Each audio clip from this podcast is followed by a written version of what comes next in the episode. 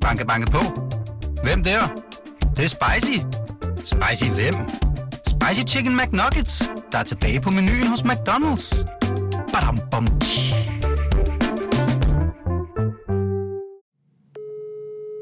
Først og fremmest kunne jeg jo faktisk rigtig godt tænke mig at høre, hvordan du oplevede forløbet der i december 2019, øh, da Karina stoppede som direktør i Harbo. Men altså, det er jo ikke en historie. Det, det, det, det, det øh, sker sker ikke. Det, det, det, det kan man jo ikke. Altså, det gider jeg jo ikke at diskutere om. Og nu, hvorfor skulle jeg da det? Der er set nogle misforståelser, nogle fejl, og, og den, den, den har vi udvidet længere af den ikke.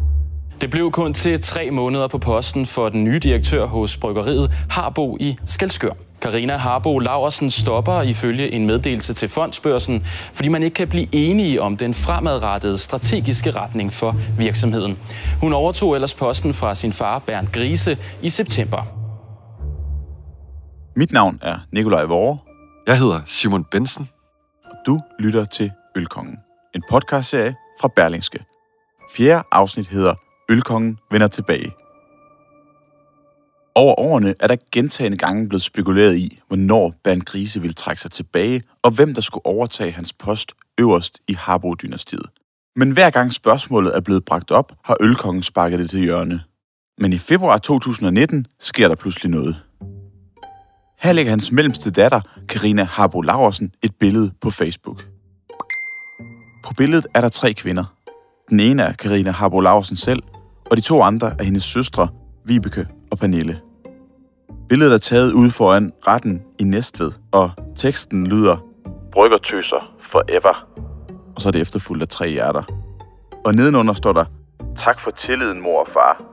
Vi kæmper videre. Familie. Generationsskifte. Harbos Bryggeri. Historien bag det her billede er, at de tre søstre netop den her dag har fået overdraget de bestemmende aktier i Harbos Bryggeri fra deres far, Bernd Grise, og deres mor, Kirsten Harbo Grise. Og det er nu de tre søstre, der har de bestemmende aktier. Det er dem, der har magten i Harbos Bryggeri. Bernd Grise havde sat gang i et generationsskifte og var i gang med at fjerne sig fra tronen i Harbro-dynastiet. Men der var stadig et helt afgørende spørgsmål, som stod ubesvaret hen. Hvem skulle overtage direktørposten? Historisk har direktørposten i Harbos Bryggeri været besat af en fra Harbo-familien. Men umiddelbart er ingen af Bangrises tre døtre oplagte kandidater til at løfte arven efter deres far og stå i spidsen for en virksomhed med over 500 ansatte og et årligt salg, der skal tælles i milliarder. Den ældste af døtrene, Vibeke, hun er udlært sygeplejerske og har i mange år drevet hudplejeklinik. Den mellemste, Karina, hun er uddannet fysioterapeut og har drevet tøjforretning. Og så er der den yngste, Pernille. Hun er uddannet skolelærer og konditor. Men som udlært elektriker havde Bernd Grise jo heller ikke selv den oplagte baggrund til at blive direktør i et børsnoteret selskab. Og der er så intet, der tyder på, at han har set sin døtres valg af uddannelse som hindring for, at de kunne få en fremtrædende rolle på bryggeriet. I 2008 startede den yngste datter, Pernille, et job på bryggeriet. I den forbindelse udtalte Bernd Grise til Berlingske, at han så hende som en mulig aftager til posten som direktør for Harbos. I samme forbindelse bragte han en anden person fra sin nærmeste familie i spil til direktørposten. Det var svigersønnen Søren Malling, som er gift med Bernd Grises ældste datter, Vibeke. Han startede på Harbo som meget ung, og havde på det her tidspunkt allerede haft flere forskellige ledende poster. Altså, når man tænker over det, så er det jo helt vildt, at Bernd Grise på den måde bringer sin egen datter, sin egen svigersøn, ud i en eller anden slags offentlig skønhedskonkurrence om, hvem der er mest egnet til at overtage direktørposten. Altså, man kan næsten forestille sig, hvordan de her forskellige familiemedlemmer må sidde til søndagsmiddagen hjemme på Spejerborgvej og konkurrere om patriarkens opmærksomhed. Konkurrere om, hvem der kan se bedst ud i det her kapløb om at overtage efter ham. Men i 2014 sker der noget helt afgørende. For her giver Bankrise en klar indikation på, hvem han selv ser som den oplagte aftager.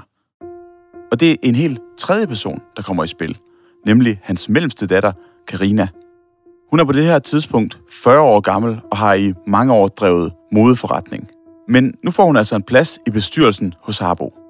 I den forbindelse kører børsens nyhedschef Jesper Kongskov til Skelskør for at lave et interview med far og datter.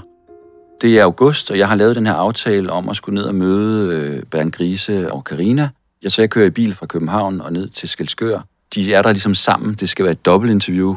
Og vi sidder ligesom i det, som jeg tror er et mødelokale. I hvert fald er det ud til vandet. Vi kan sidde og kigge ud på hans båd. Det er øh, med et stort vinduesparti i, øh, i stueetagen i den her bygning. Der sidder vi og snakker i noget, der ligner to timer om det, der skal ske. Hvad er tankerne omkring Karina? Altså, der er god stemning, og de er meget glade, øh, begge to. Det er åbenlyst, at det passer dem rigtig, rigtig fint. De vil gerne fortælle om det, der skal ske. Man får indtryk af, at det er en, det er en stor dag. Der er ligesom et nyt skridt, som de står overfor, som nu skal til at tages med Karina i, i bestyrelsen der. Under interviewet ønsker hverken far eller datter at fortælle præcist, hvilken rolle Karina er tiltænkt i Harbo-dynastiet i fremtiden. Altså om hun for eksempel en dag skal være direktør. Men ret opsigtsvækkende vil Karina gerne fortælle, at der i hvert fald er én person, der ikke skal være direktør i fremtiden. Det er hendes svoger, Søren Malling, som Bank Riese ellers tidligere har bragt i spil til netop den position. Hun udtaler direkte, jeg tror ikke, Søren har ambitioner om at skulle være administrerende direktør. Han er meget tilfreds med det job, han har i dag. En melding, som børsens nyhedschef Jesper Kongskov bider mærke i.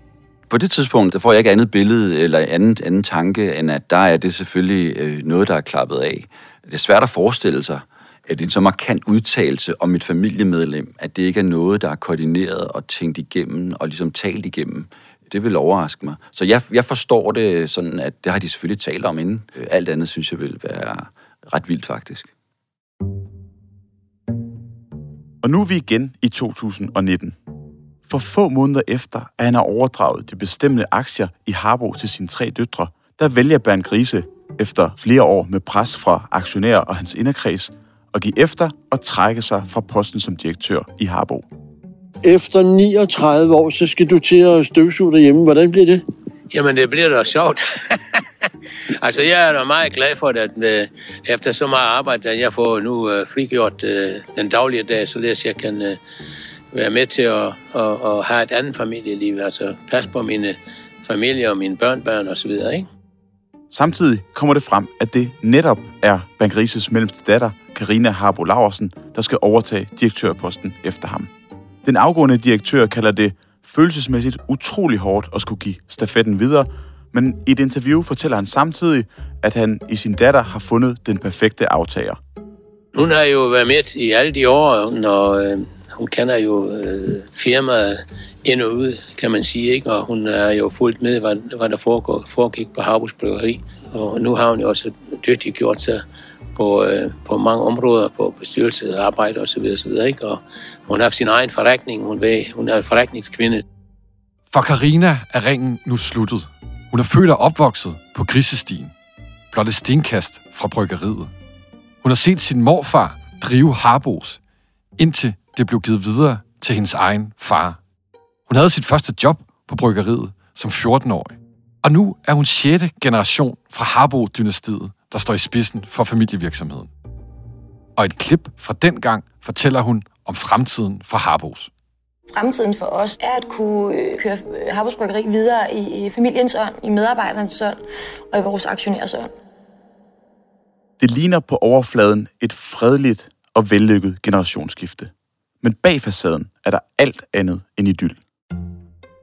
For den 12. december 2019, der udsender Harbos Bryggeri pludselig en fondsbørsmeddelelse, der sender rystelser igennem dansk erhvervsliv. Kernen i problemet er, at der har været et generationsskifte, hvor 6. generation øh, skulle tage over, og det er åbenbart gået helt galt. Her står der, at Karine Harbo Laversen efter bare tre måneder på posten og med øjeblikkelig virkning stopper som direktør i Harbos Bryggeri. Og samtidig stopper hendes underdirektør og bryggeriets daværende formand. Ret bekendt, at, at far altså indsætter datter, hvorefter han fyrer hende. Den brætte afsked med Karina er opsigtsvækkende i sig selv. Men navnet på hendes afløser på direktørposten vidner om et familiedrama. Det er hendes storsøsters mand, Søren Malling. Altså ham, som Karina tidligere selv har dømt ud af spillet. Og så er der et andet, yderst opsigtsvækkende comeback. For den dengang 77-årige Bernd Grise har aflyst sit otium. Han indtræder nu i rollen som bestyrelsesformand for Harbos Bryggeri. Ølkongen vender tilbage.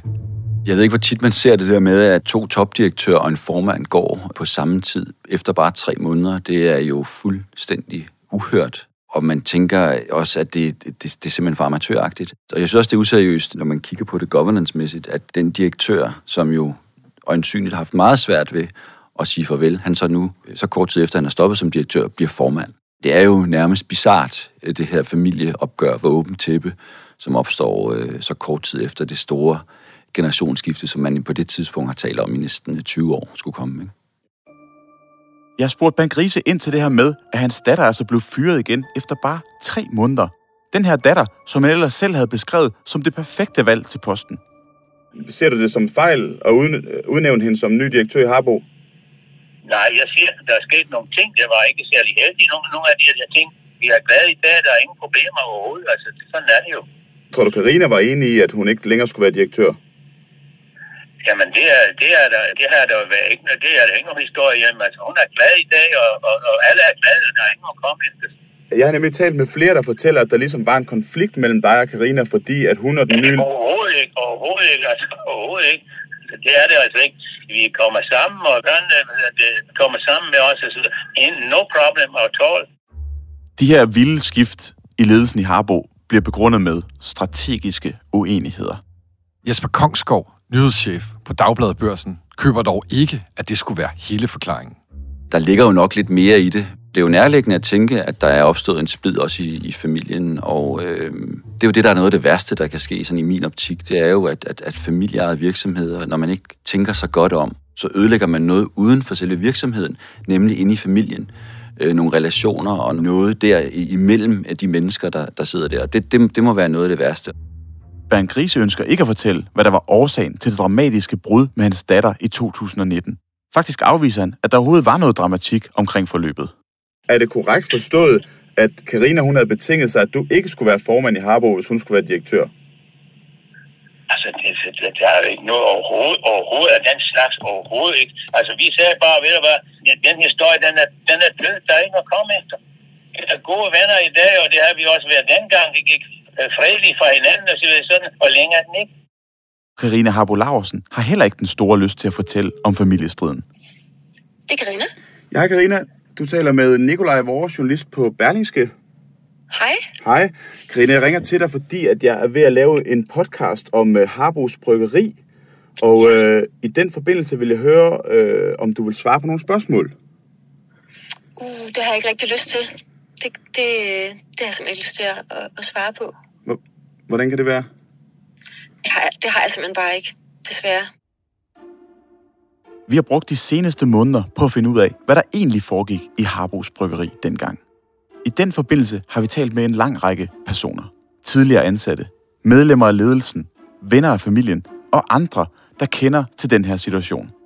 Og de fortæller, at da Karina satte sig i direktørstolen hos Harbo, startede en magtkamp mellem far og datter. En magtkamp, der betyder, at hun i dag ikke har kontakt til flere medlemmer af sin allernærmeste familie. Da hun var direktør for Harbo, kunne jeg forstå, at hun og, og den øvrige ledelse ligesom begyndte at kigge på nogle af de her ting, altså blandt andet sponsorat af den golfklub, hvor du var næstformand i, øh, og nogle af de her interne handler. Altså, hør nu, hør nu. Golfklubben, det er mig personligt, som, som, som uh, har været inde og sponsoret nogle ting der, hvor, hvor, hvor det er jo ikke Harbos Bryggeri, der har sponsoret noget som helst. Harbos Bryggeri er der hovedsponsor for golfklubben. Jamen, det har det været 20 år. Og den, den sponsorkontrakt har ikke ændret sig. Jeg har personligt gået ind og, og sponsoret de der mennesker der, og, og, og lånt øh, øh, golfklub penge. Øh, og det, det, får, det, det golfklubben betaler renterne, og jeg har lånt dem penge. Længere er den ikke. For at forstå den her magtkamp i Harbos, skal vi jo lige huske på, hvad der er, der er foregået i Skelskør Bryggeriet de sidste 30 år. Altså det store ejendomscirkus, de mange handler med Bernd Grises private selskaber, sponsoraterne, nepotismen, hele sammenblandingen af familiens økonomi med Harbos økonomi, familiemedlemmer, venner og bekendte, der bliver udpeget til forskellige poster i og omkring Harbos. Altså det her kæmpe store virvar af interesser, der filtrer sig ind og ud af hinanden. For ifølge de mange kilder, vi har talt med, der ønskede Karina Harbo Laversen at gøre op med alt det her. Hvor Harbo under Bernd Grise havde vendt sig ind mod sig selv, der hyrede hun et PR-byrå, som skulle hjælpe med at kommunikere til omverdenen. Hun begyndte at stille spørgsmålstegn ved det her store sponsorat af golfklubben, hvor hendes far var næstformand. Og den her praksis, hvor Harbo solgte huse til udvalgte, ansatte og familiemedlemmer. Og så indsatte hun en ny professionel ledelse med personer, der ikke nødvendigvis lige var opvokset i Skelskør. En ny ledelse, der skulle sikre, at alt foregik efter bogen. Det hun jo siger i forbindelse med, at hun bliver udnævnt, øh, det er jo øh, det, som man må tolke som, at der skal en oprydning i gang. Alle kan se, at de, øh, det går relativt dårligt økonomisk. De har stået i stampe i 20 år i hvert fald, omsætningsmæssigt. Og hun siger så noget i stil med, at jamen, det må vi kigge på. Og i det ligger jo, at hun er godt klar over, at der er noget, der skal kigges på, og man må antage ud fra det, at det er det, hun skal i gang med som noget af det første. Den oprydning, det er jo efter noget, som hendes far har enten sat i gang, eller godkendt, eller været en del af i mange, mange, mange år. Inden Karina havde sagt ja til at tiltræde som direktør, der havde hun stillet en særlig betingelse. At hendes far ikke skulle være tæt på ledelsen af Harbos Bryggeri. Det var for eksempel helt udelukket, at han skulle sidde som formand for bestyrelsen i selskabet. Det ønske blev i første omgang accepteret. Men ifølge alle de kilder, vi har talt med, der tog Bernd Grise mildest talt ikke godt imod de her ændringer, som hans datter kom med, da hun satte sig i direktørstolen. Og flere gange førte det til sammenstød mellem far og datter. En person, som på det tidspunkt havde en ledende rolle på bryggeriet, fortæller, at Bernd Grise var som en terrorist, der gik rundt på gangene på Harbo. Han bagtalte simpelthen sin datter og den nye ledelse. Det er 100% det indtryk, man sidder tilbage med, at det har været meget, meget svært for ham at slippe det og, øh, og sige farvel. Øh, og så vidt jeg øh, forstår det, så øh, fortsatte han også med at have et kontor. Et øh, kontor, hvor han kunne, sit eget kontor, hvor han kunne komme og gå dagligt. Og det er jo et kæmpe signal om, at han har ikke rigtigt sagt farvel.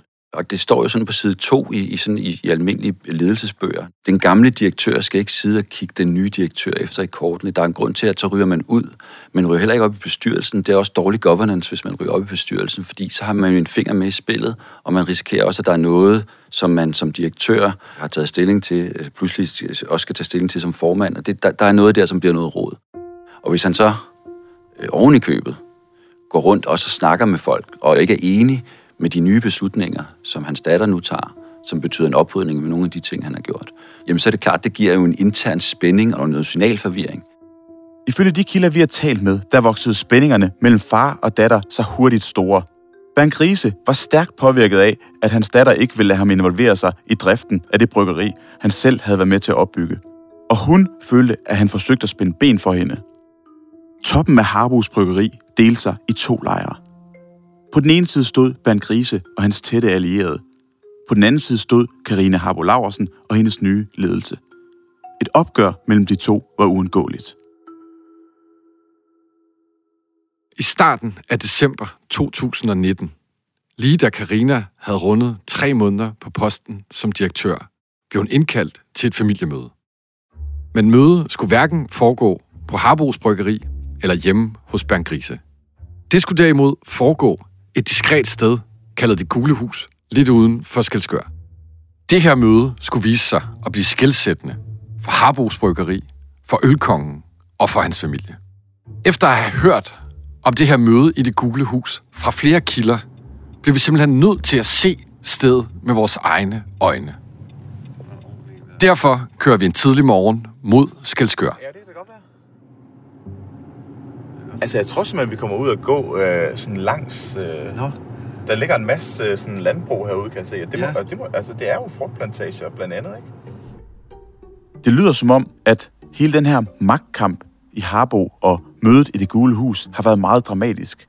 Men det var jo slet ikke det, Bernd Grise fortalte os. er gode venner i dag, og det har vi også været dengang. Vi gik øh, fredeligt fra hinanden og så sådan, længere er den ikke.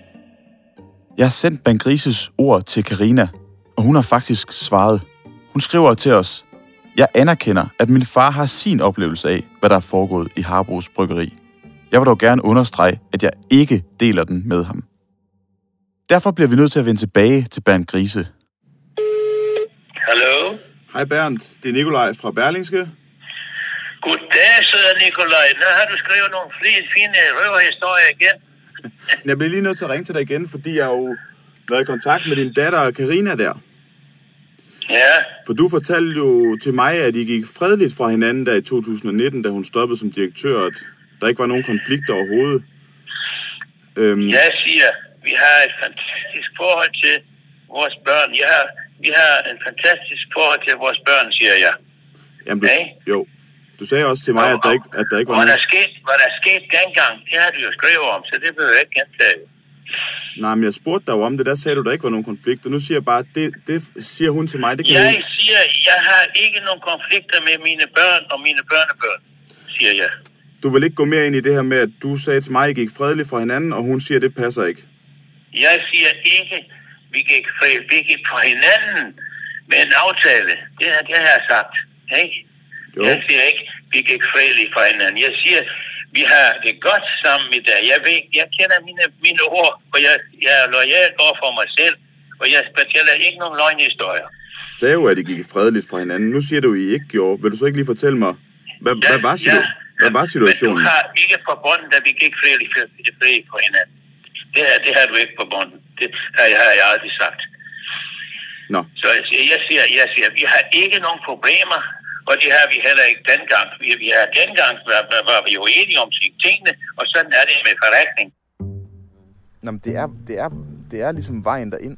Vi har fået at vide, hvor det her gulhus, det skulle ligge. Og øh, når jeg kigger på min telefon, så kan jeg se, at det til synlandet ligger midt ude i en frugtplantage, som Bernd Grise han ejer.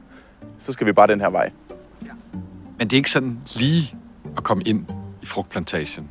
Der er en stor port, der spærrer vejen. Og ved siden af porten er der sådan en lille hegn af en slags, så man føler sig ikke specielt velkommen her.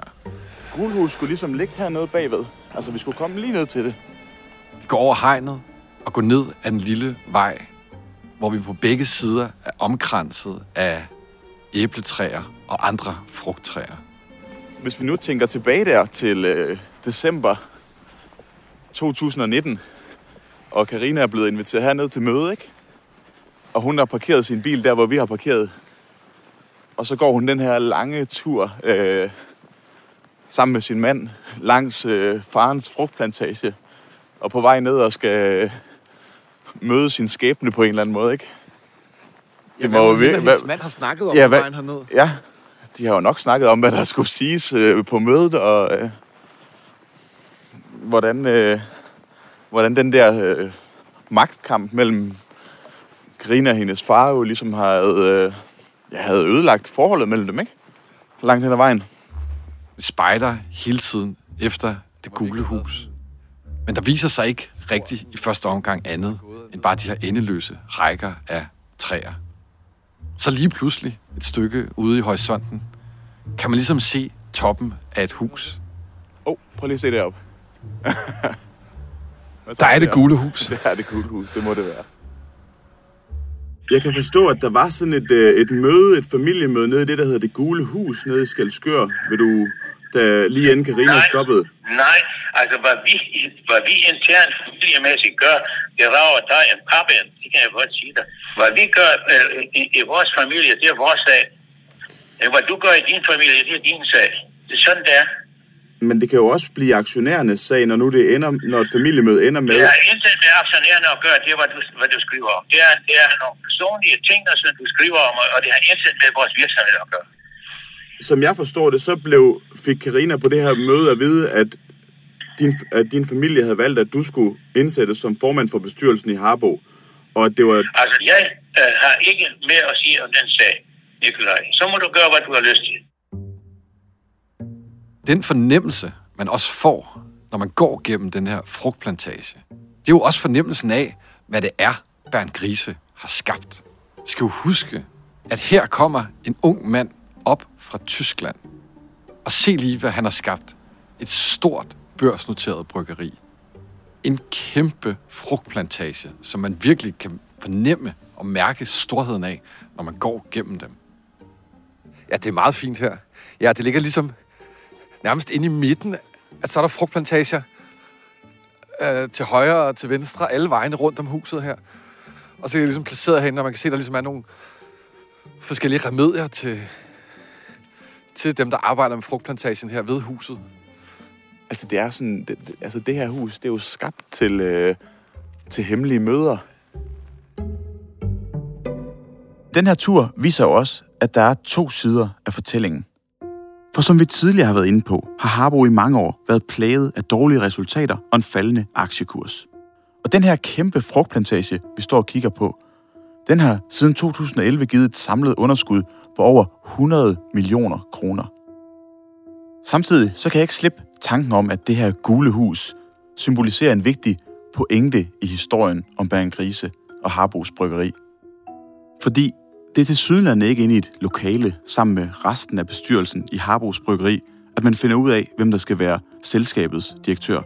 Nej, den klarer familien selv i et hus, der ligger langt uden for lands, lov og ret, midt i en frugtplantage, som Bernd Grise selv ejer. Da det her møde skulle finde sted, tog Karina Harbo Laursen og hendes mand turen fra deres hjem i Klampenborg nord for København og kørte til Skalskør.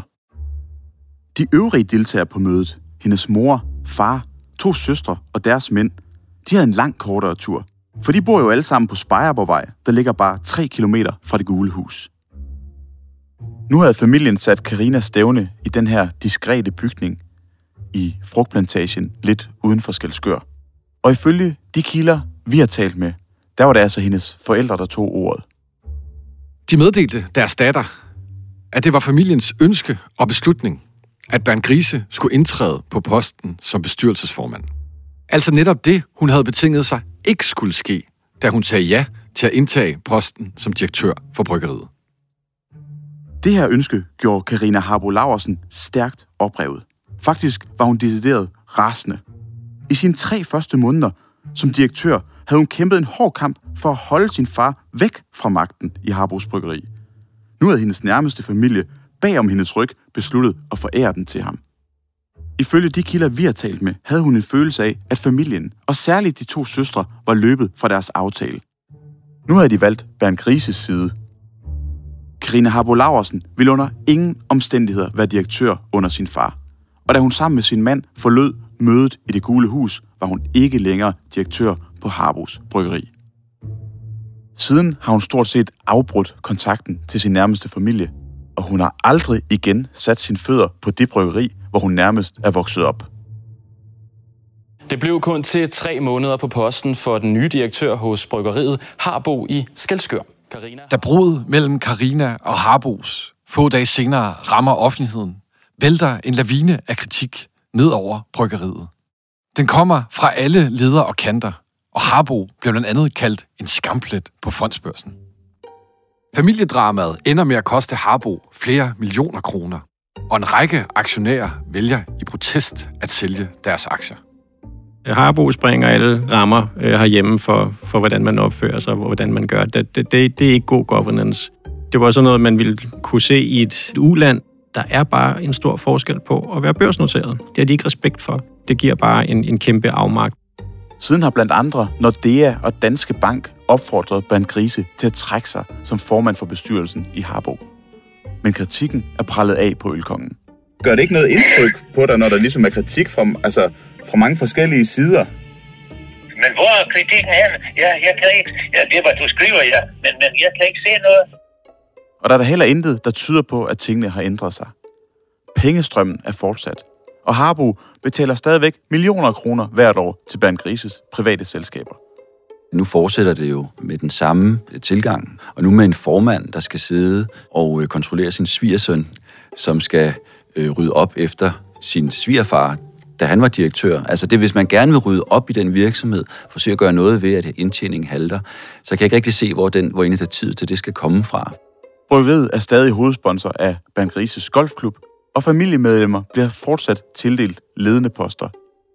Hvis man er et, et børsnoteret selskab, så skal man ikke ansætte sin egen kone som, som HR-chef, hvis ikke hun har kvalifikationer. Det kan man gøre, hvis man er en vognmandsvirksomhed i Herning. Og kritikken fra aktionærerne vælter fortsat ned over bryggeriet fra Skelskør. Det kan være, at historien er den samme. Om 50 år, så Søren Malling forva- forvandler sig til den nye øh, Bernd Grise og gør det på samme måde. Det er jo et plausibelt scenarie. Strukturen, DNA'en i selskabet er jo indtil videre bare ligesom kørt i ring. Hvad er dine fremtidsplaner? Skal du blive ved med at være formand for Harbo, eller, eller hvad tænker det, du? det, skal jeg ikke, det skal jeg ikke fortælle dig, hvad jeg gør min fremtid. Altså, så nu, altså, hvor, hvor er vi henne?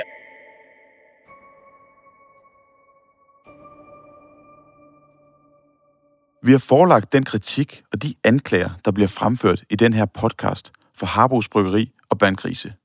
I en mail skriver bryggeriet, Harbos Bryggeri har naturligvis et stort fokus på at overholde dansk lovgivning. Selskabet er børsnoteret, har en professionel bestyrelse og ledelse, er revideret i dybden af et eksternt revisionsselskab og har som andre selskaber af vores størrelse et godt samarbejde med de danske myndigheder, herunder både Finanstilsynet og Erhvervsstyrelsen. Vi byder altid myndighederne velkommen til endnu mere dialog og samarbejde. Ølkongen er tilrettelagt af Simon Bensen, Thomas Arndt og mig, Nikolaj Vore.